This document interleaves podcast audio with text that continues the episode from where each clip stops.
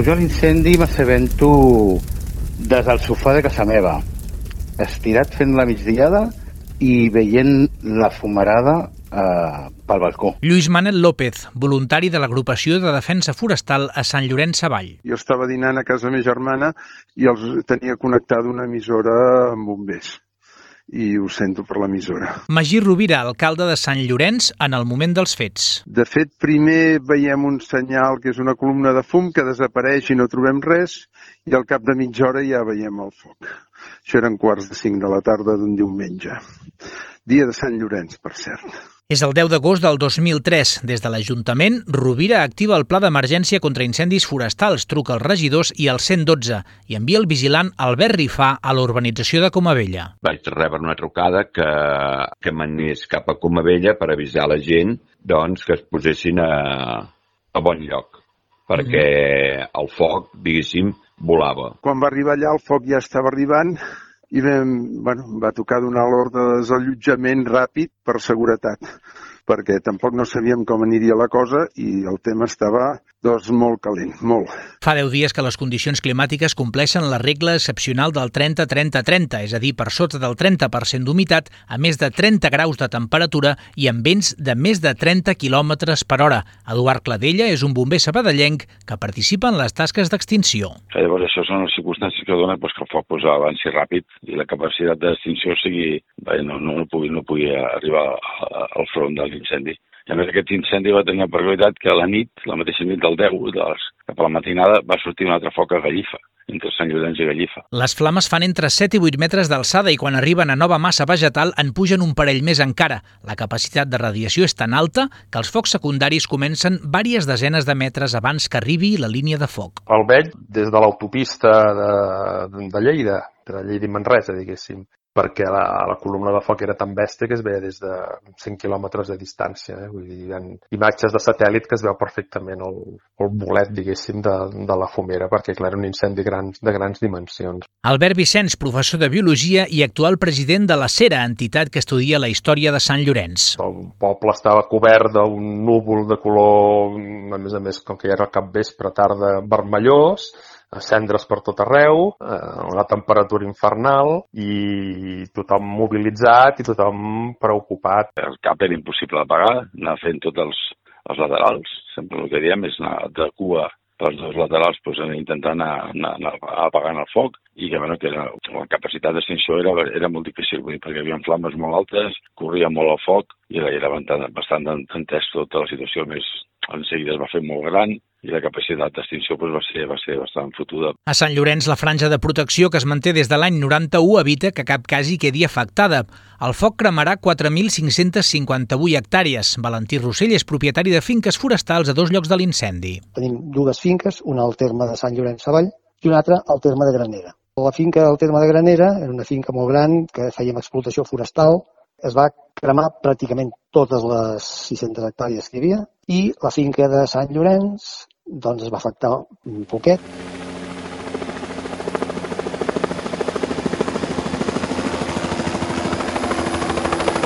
El diumenge vam estar demanant a la Guàrdia Civil, perquè llavors encara era la força competent que vigilés i tot, però no va detectar un cotxe aparcat buit al costat de, de la casa. I el dilluns el, ens van trucar a les filles dient que no sabien res dels seus pares. Cinc persones que estaven en una masia es van veure rodejats pel foc i el fum i en comptes de quedar-se dintre va voler sortir i llavors sí com van quan jo tinc entès que per ser pel, pel fum, per això dic que és més pitjor el fum que, que les flames.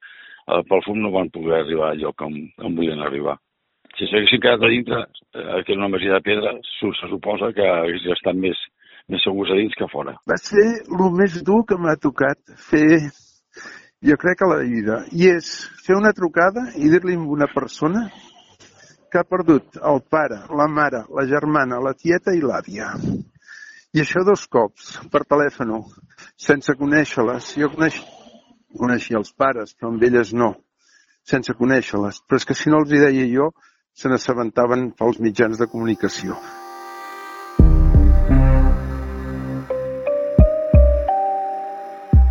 Penso que si nosaltres no tinguéssim el parc natural aquí al costat, el foc hauria anat d'una altra manera. No dic res més. Al principi això va semblar. Jo vaig tenir d'anar fins a, a la zona de Can Llogari, aleshores allà vaig veure que sortien gent d'aquesta que van amb el, amb el cetrill aquell del foc i els 7 o 8 persones que van sortir d'allà doncs van fer el senyal a, al superior que havia allà doncs que no hi havia solució. Ara nosaltres donem un avís i tenim un helicòpter bombarder a sobre i un AVA tirant allà aigua si fa falta, encara que sigui un foquet de matolls, de res. I en aquell moment nosaltres vam donar l'avís Sí, pugeu, aviam què, que m'han dit això, mira aviam, mira allà. Pues, quan es va començar a actuar, havien passat dues hores, quan van començar a arribar camions de bombers de, de, de tot arreu. Sí que el foc va córrer molt, perquè això sí que ho sé, que hi havia al davant on va començar un, un camp de cereal que no es havia llaurat, hi havia, diguéssim, la, la palla, no? I això va ajudar i, i altres incongruències com que la, una bassa que hi ha per apagar del molí de la roca per apagar focs estava pràcticament buida i, i bueno, es van fer moltes coses malament però també és cert que davant d'un foc d'aquestes dimensions és que poca cosa es pot fer. Oficialment va haver-hi un sospitós de provocar-lo, però no es va poder demostrar res. Jo crec que va ser un cos humana, el que no sabem si va ser per negligència o, o intencionat. El que està clar, el primer, que és el que tinc més clar, va ser provocat. Però podria ser provocat accidentalment o podria ser provocat intencionadament. Com que pot ser qualsevol de les dues causes i no tinc cap element que m'hagi tombat per una o per l'altra, no puc dir res més. El foc es dona per controlat el dia 17, uns minuts abans de les 8 del vespre, i les actuacions acaben la tarda del dia 19. Sumant tots els registres diaris, es comptabilitzen 2.035 bombers, 291 vehicles terrestres i 29 mitjans aeris.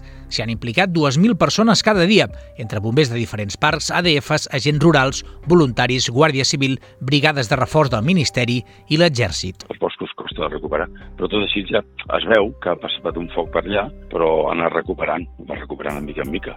La zona de Llagranera, aquella finca que tenim, hi havia molta pinassa i molt rajolet, que són una varietat de pins, que quan passa el foc a l'estiu no tenen encara la llavor i això, i pràcticament han desaparegut. Hi ha molt matoll, hi ha algunes alzines, però hi ha zones molt, molt castigades. I la zona d'aquí Sant Llorenç hi ha molta regeneració, perquè és una zona de molt de pi blanc, i el pi blanc regenera molt bé després del foc. En 20 anys no s'ha fet res no es fa ni una tasca per netejar boscos o com mínim eh, minimitzar una mica el risc que pot haver-hi perquè cada vegada hi ha més massa forestal, està més brut el bosc, aleshores hi ha molts arbres que estan malalts i s'han mort i no es fa res. Vol dir que la gent que està al despatx no veu el que està passant al bosc. Un monòlit en una clariana davant del xalet del Rossinyol a la carretera de la Vall d'Horta recorda les víctimes dels incendis.